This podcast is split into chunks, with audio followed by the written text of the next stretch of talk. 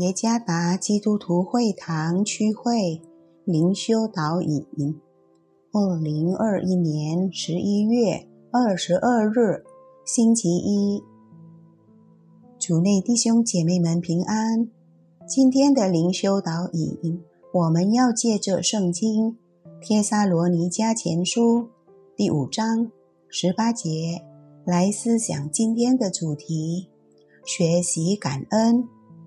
作者沈天良传道，《帖撒罗尼迦前书》第五章十八节：凡事谢恩，因为这是神在基督耶稣里向你们所定的旨意。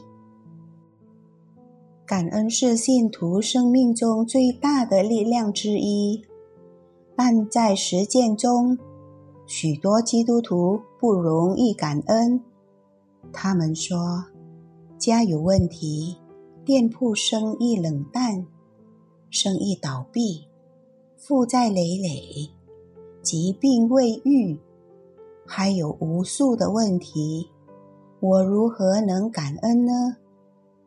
一个人当经历神机祝福和从神来的帮助时，他能感恩。如果我没有看到神迹、祝福和神的帮助，我怎么能感恩呢？作为基督徒，感恩与环境无关。即使没有神迹，事情也不尽如人意，祈祷也没有得到应允，但信徒仍要感恩。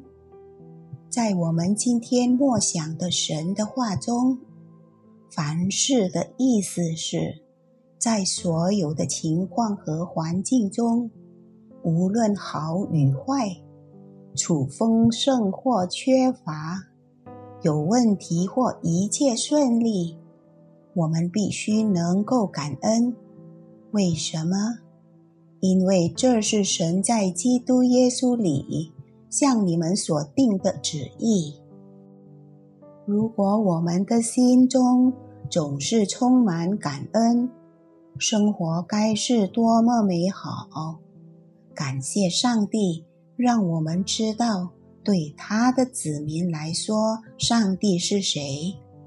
他是拥有者和看顾者。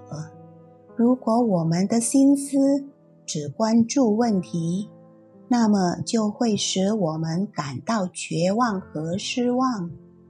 另一方面，如果我们将目光投向上帝，我们的信心和希望就会在他面前增长。在任何情况下，上帝总是有他的计划，所以要保持感恩。主耶稣赐福。